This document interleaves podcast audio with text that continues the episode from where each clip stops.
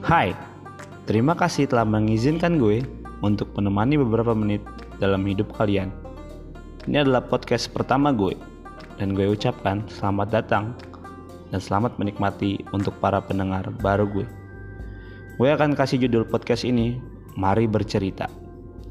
Kita akan sama-sama mendengarkan cerita seru yang akan menemani masa-masa gabut kalian.